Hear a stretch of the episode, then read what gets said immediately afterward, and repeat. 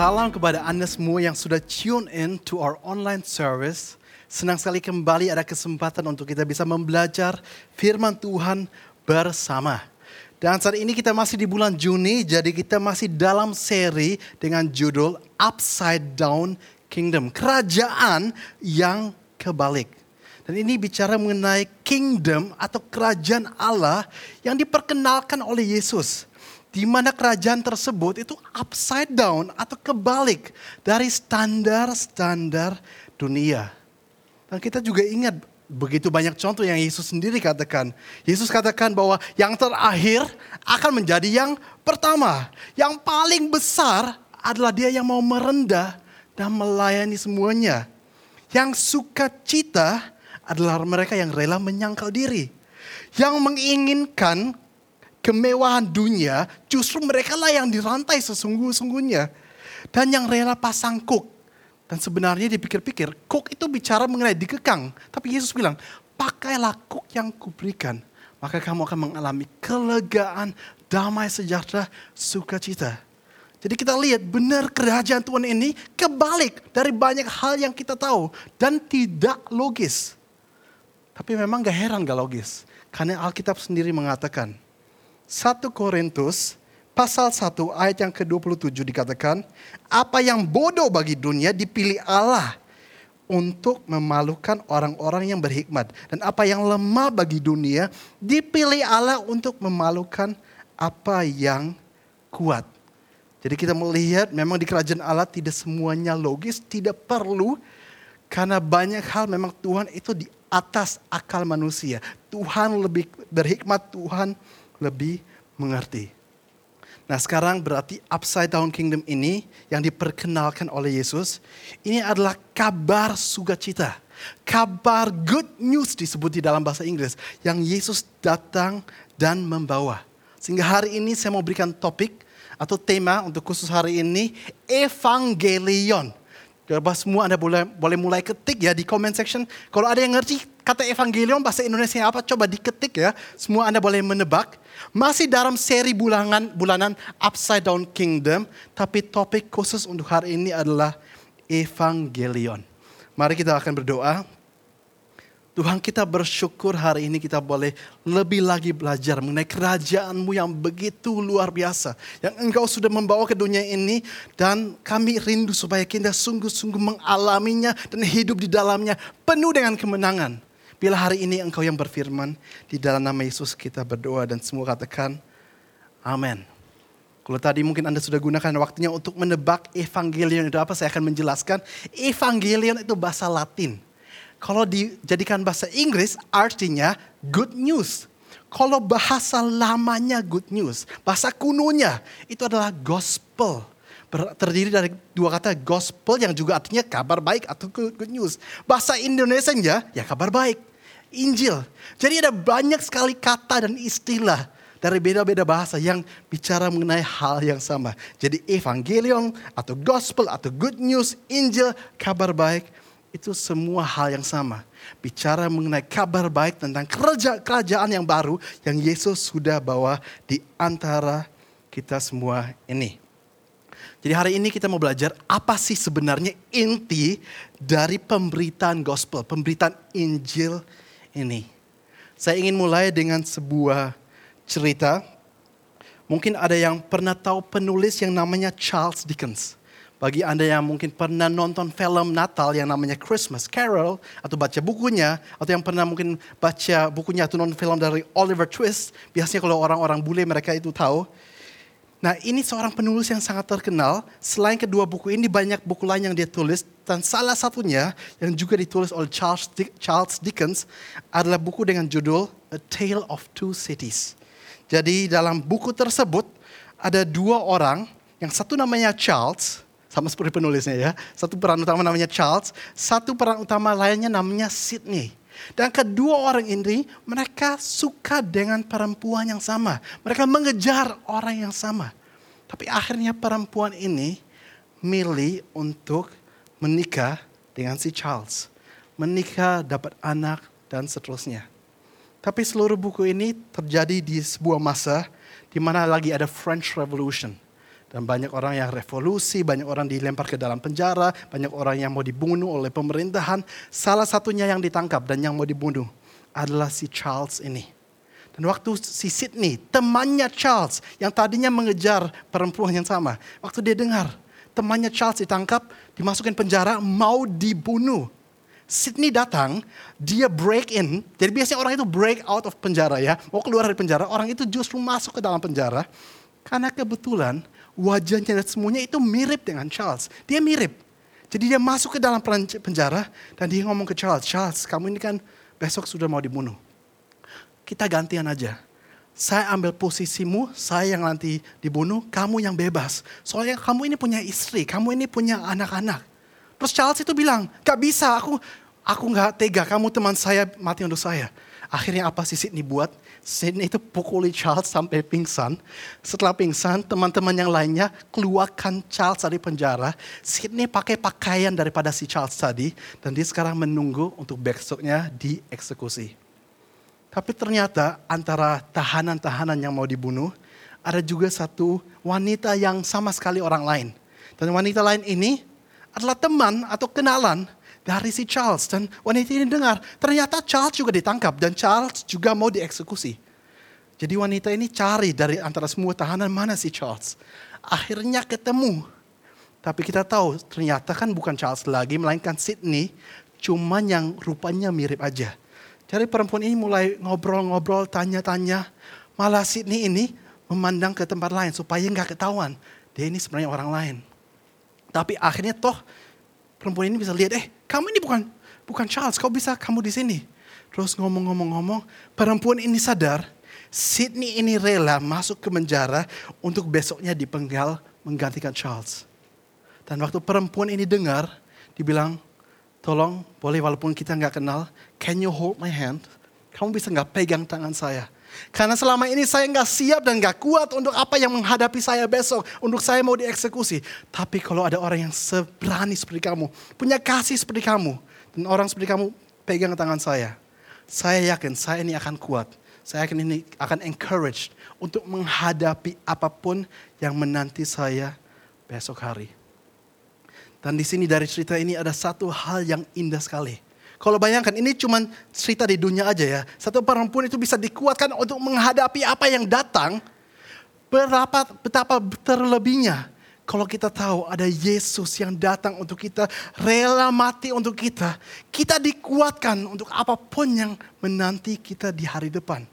Dan ini salah satu aspek Injil yang sering kali lupa diberitakan. Bahwa Injil bukan cuma bicara mengenai satu saat masuk surga, melainkan di hidup ini pun. Tuhan ada dan dia yang kuatkan saya untuk menghadapi apa pun yang menanti saya. Jadi hari ini pertanyaan yang kita akan jawab adalah What is the good news of the gospel? Apa kabar baik dari Injil? Ya kita tahu biasanya itu kabar baik, tapi apa? Ya kita hari ini mau bahas secara detail.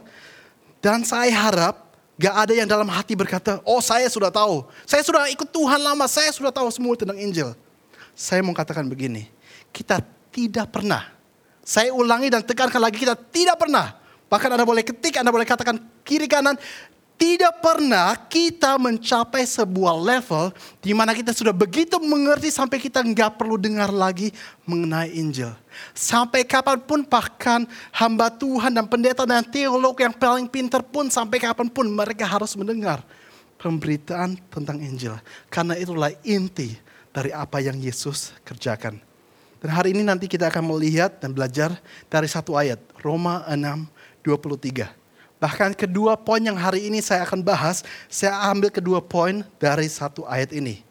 Dan sebenarnya di Alkitab ada beberapa ayat sih yang bicara mengenai atau yang merangkum Injil.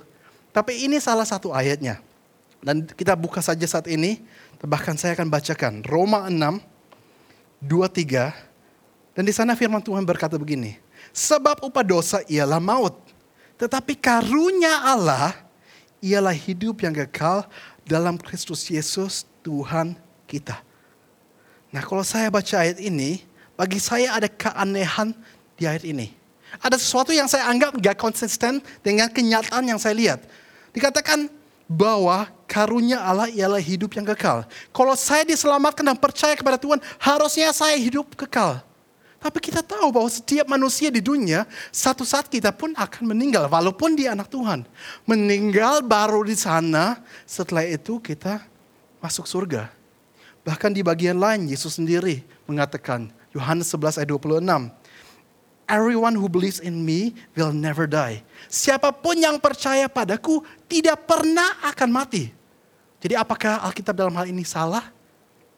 Coba saya akan menjelaskan melalui sebuah kesaksian.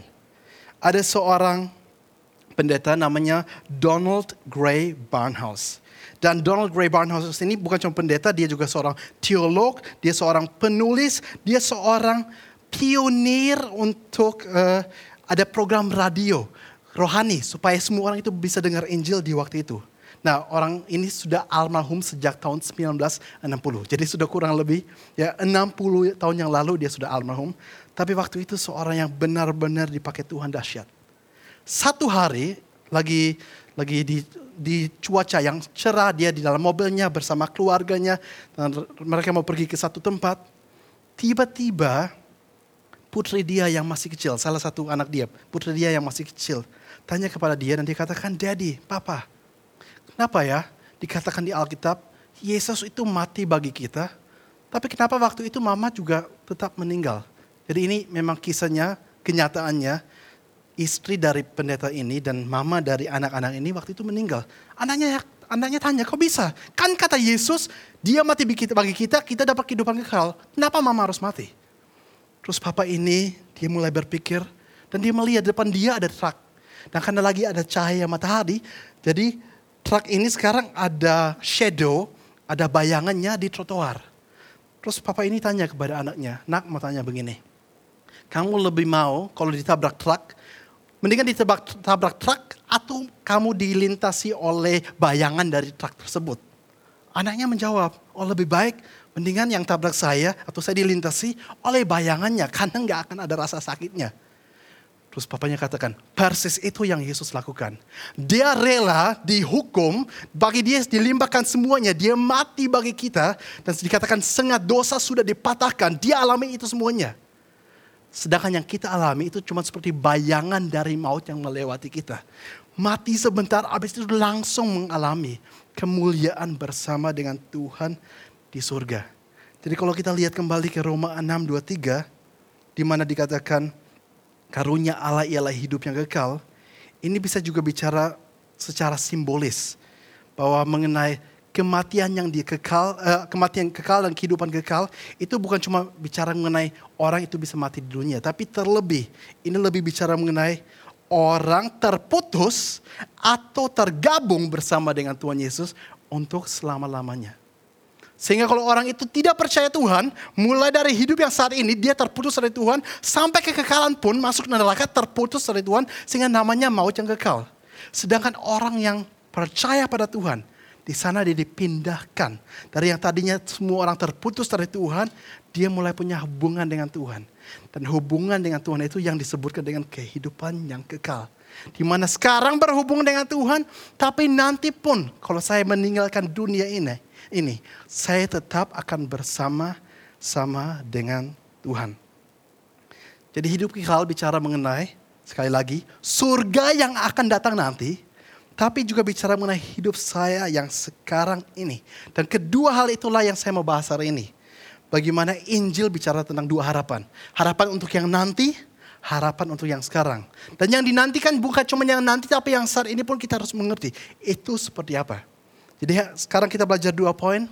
Poin yang pertama untuk hari ini adalah hope for the life to come. Pengharapan untuk hidup yang akan datang. Saya rasa kita sudah tahu semua, tapi mereka yang mau bertobat, mau bertobat dan mereka yang mau mengikuti Yesus, bukan cuma salah satunya, dua-duanya, mau bertobat, mau mengikuti Yesus, mereka itu diselamatkan oleh Tuhan. Jadi nggak cukup pokoknya, oh iya saya ikut Tuhan, pokoknya kadang-kadang saya ke gereja, pokoknya gini, gini, gini. Tapi Tuhan juga peduli di luar itu, di luar dia ke gereja dan itu bagus. Sehari-hari dia bangun hubungan gak dengan Tuhan? Sehari-hari apakah hal-hal yang dia lakukan dia peduli akan Tuhan?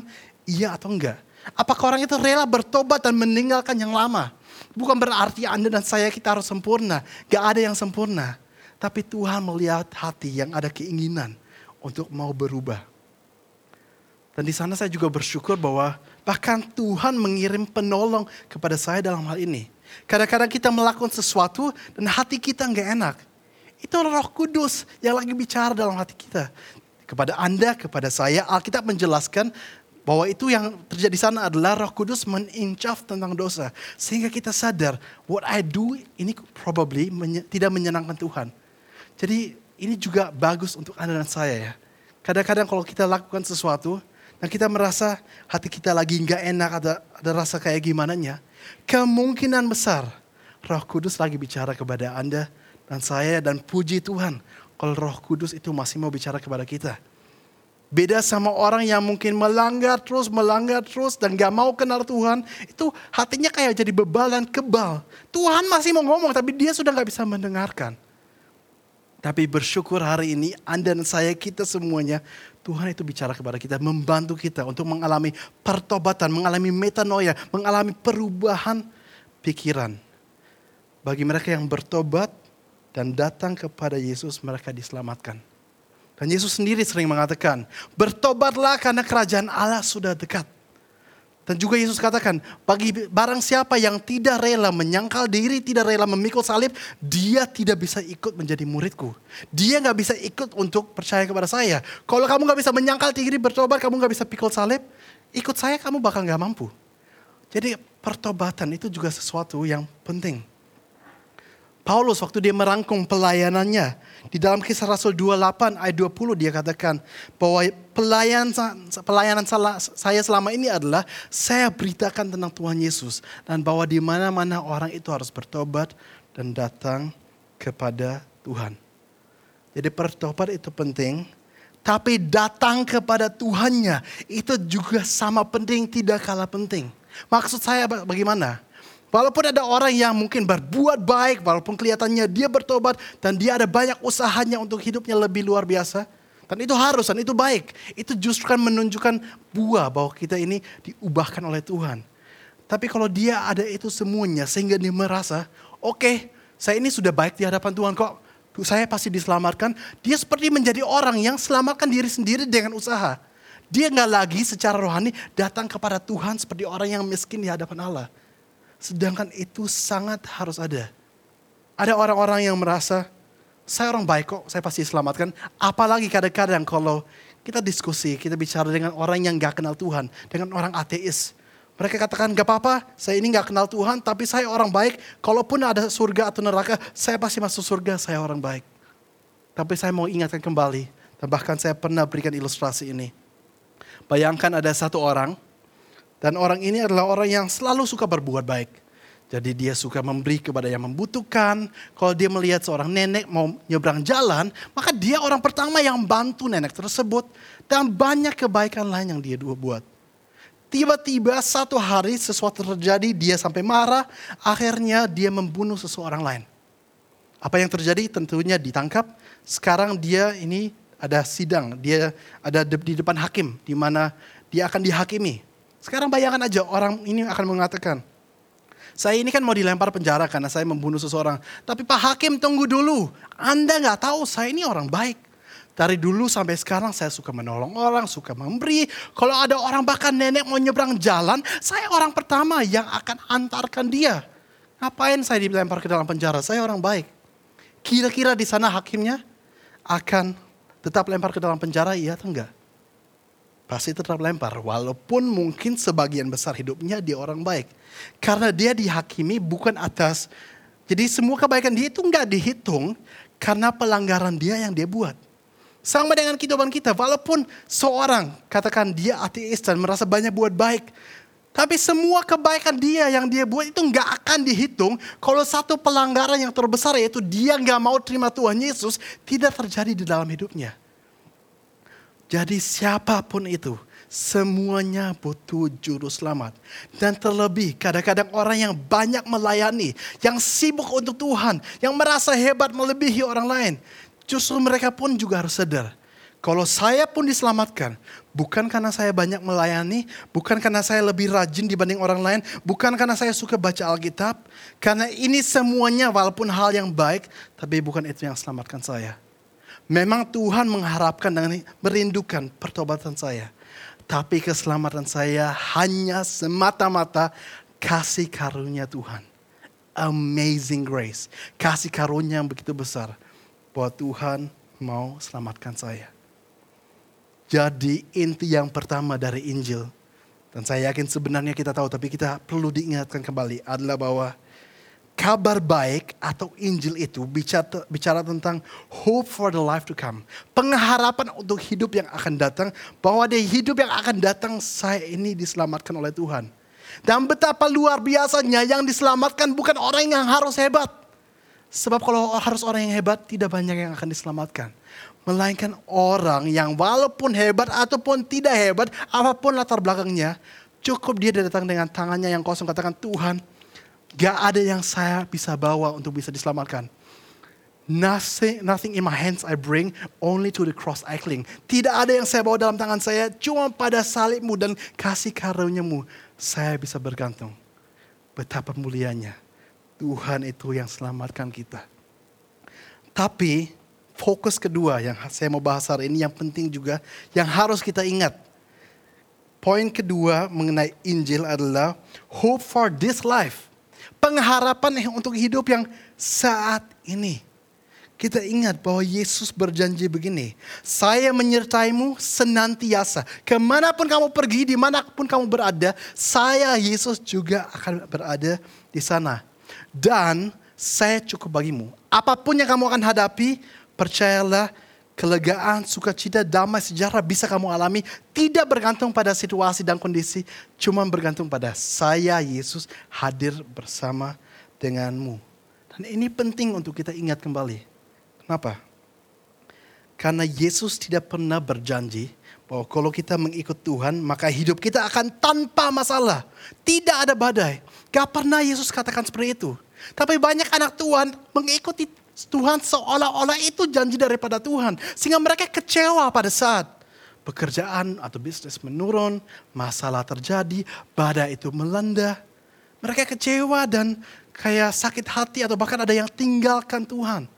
Kau bisa karena mereka nggak kenal Tuhan. Dan mereka tidak tahu apa yang firman katakan. Firman tidak katakan bahwa hidup kita tanpa badai.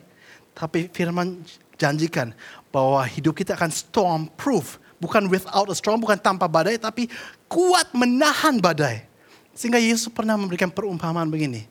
Dalam Matius 7, dia katakan, jadi Yesus barusan selesai khotbah yang panjang, disebutkan Sermon on the Mount. Khotbah di bukit. Bicara berpasal-pasal selama tiga pasal, banyak sekali yang Yesus beritakan. Dan Yesus menutup dengan perumpamaan ini. Dia katakan, dari semua yang dengarkan saya sekarang, ada dua golongan orang. Ada golongan orang yang tidak melakukan yang saya lakukan, eh, yang saya katakan ada golongan orang yang mau melakukan. Dua-duanya akan mengalami yang namanya angin ribut, hujan, dan banjir. Jadi badai untuk setiap orang pasti akan terjadi di hidup ini. Mereka yang tidak mau melakukan apa yang saya katakan, seperti rumah di atas pasir, rumahnya nanti akan hancur. Dan mereka mengalami sebuah sebuah kerugian besar. Sedangkan orang yang mau mendengar saya dan melakukan apa yang saya katakan, seperti rumah di atas batu yang kuat. Badai mau datang, apa pun mau datang, masalah mau datang, hidupnya tetap kokoh. Jadi itulah janji Yesus. Bahwa dia sudah siapkan solusi. Supaya hidup kita apa pun terjadi bersama dengan Tuhan akan oke-oke aja. Jadi kalau hari ini ada yang mengikut Tuhan dan alasan dia mengikut Tuhan adalah saya ikut Tuhan supaya saya diberkati secara jasmani, supaya saya ini sehat dan selalu sembuh, dan supaya saya dijauhkan dari semua masalah. Maka bagi dia Yesus tidak berbeda dengan berhala. Gak ada bedanya dengan berhala-hala lain. Yesus cuma menjadi idol, berhala. Di mana mencari Yesus untuk mendapatkan hal-hal lain yang menjadi keinginan hati dia. Sedangkan justru Injil adalah kuasa. Paulus sering katakan Injil adalah kuasa. The gospel is the power. Ya Injil adalah kuasa yang mengubah saya. Sehingga hidup saya karakter saya, nilai-nilai saya, dan keinginan-keinginan saya diubahkan upside down dari yang biasanya apa menjadi standar dunia, menjadi standar kerajaan surga. Seorang teolog pernah berkata begini, The gospel creates a people with an upside down set of values. Injil itu akan menciptakan sebuah umat dengan nilai yang kebalikan dari apa yang dipegang oleh dunia ingin hidup mewah, ingin tenar dan terkenal, ingin dianggap tinggi dan banyak hal sebagainya. Ini semua tanda-tanda dari orang-orang yang hidupnya tidak diubahkan oleh Injil. Atau bahkan memang mereka orang yang sama sekali belum kenal Tuhan ini. Tapi kabar baiknya adalah begini. Bahwa Injil adalah kabar pengharapan untuk hidup yang akan datang saya diselamatkan kalau saya hari ini bertobat dan ikut Yesus. Dan kita semua sampai kapan pun harus mengalami setiap hari. Saya bertobat, pikiran saya diubahkan oleh Tuhan. Saya mengikuti Tuhan. Dan juga Injil adalah kabar pengharapan untuk dunia yang saat ini. Di mana apa pun yang terjadi, I'm going to be fine. Apa pun yang terjadi, walaupun kadang-kadang ada saat-saatnya kelihatannya seperti badai. But it's okay, gak apa-apa. Yesus ada bersama dengan saya. Dan kalau Yesus bersama dengan saya, maka sukacita, kelegaan, kelegaan, damai, sejahtera, apa pun yang lain yang saya butuhkan, saya bisa mengalami. Apa pun situasinya. Nah, mungkin terlebih untuk beberapa orang yang hari-hari ini mengalami dampak dari virus corona di dunia ini. Mungkin hidupnya kelihatannya seperti lagi di dalam badai. Tapi Injil itu mengingatkan Anda kembali bahwa pengharapan Injil, the good news bukan cuma untuk nanti kita masuk surga. Dan kita sekarang cuma bertahan sampai nanti masuk surga. Enggak. Di hidup yang saat ini pun Yesus mau katakan, I'm there with you dan saya akan menolongmu. Everything is going to be okay asal saya bersama dengan engkau. Mari kita berdoa. Tuhan kita bersyukur untuk setiap kebaikanmu. Sering-sering kami mau datang kepada Engkau dan kita mau diingatkan bahkan mengenai hal-hal yang kelihatannya begitu fondasi, kelihatannya begitu hal yang sering kita dengar seperti Injil tapi begitu penting dan begitu mulia. Bagaimana kita diingatkan Yesus datang selamatkan kita orang berdosa. Engkau ingin kita bertobat tapi walaupun itu walaupun kita berusaha dan memang kita bertobat keselamatan itu hanya kasih karunia Tuhan. Gak ada yang kita bisa bawa. Gak ada yang kita punya di tangan kita. Semuanya itu pemberian Tuhan. Tapi juga kita bersyukur. Kita diingatkan engkau hadir saat ini bersama dengan saya. Ke mana pun engkau pergi, engkau menyertai dan engkau menolong. Kita bersyukur untuk kebaikanmu Tuhan. Dan mari saat ini, di mana pun Anda berada, kita boleh angkat tangan ke surga. Biarlah berkat dari Allah Bapa, cinta kasih dari Tuhan Yesus dan persekutuan yang indah dengan Roh Kudus menyertai engkau sekarang sampai selama-lamanya. In Jesus name we pray dan semua katakan amin. God bless you.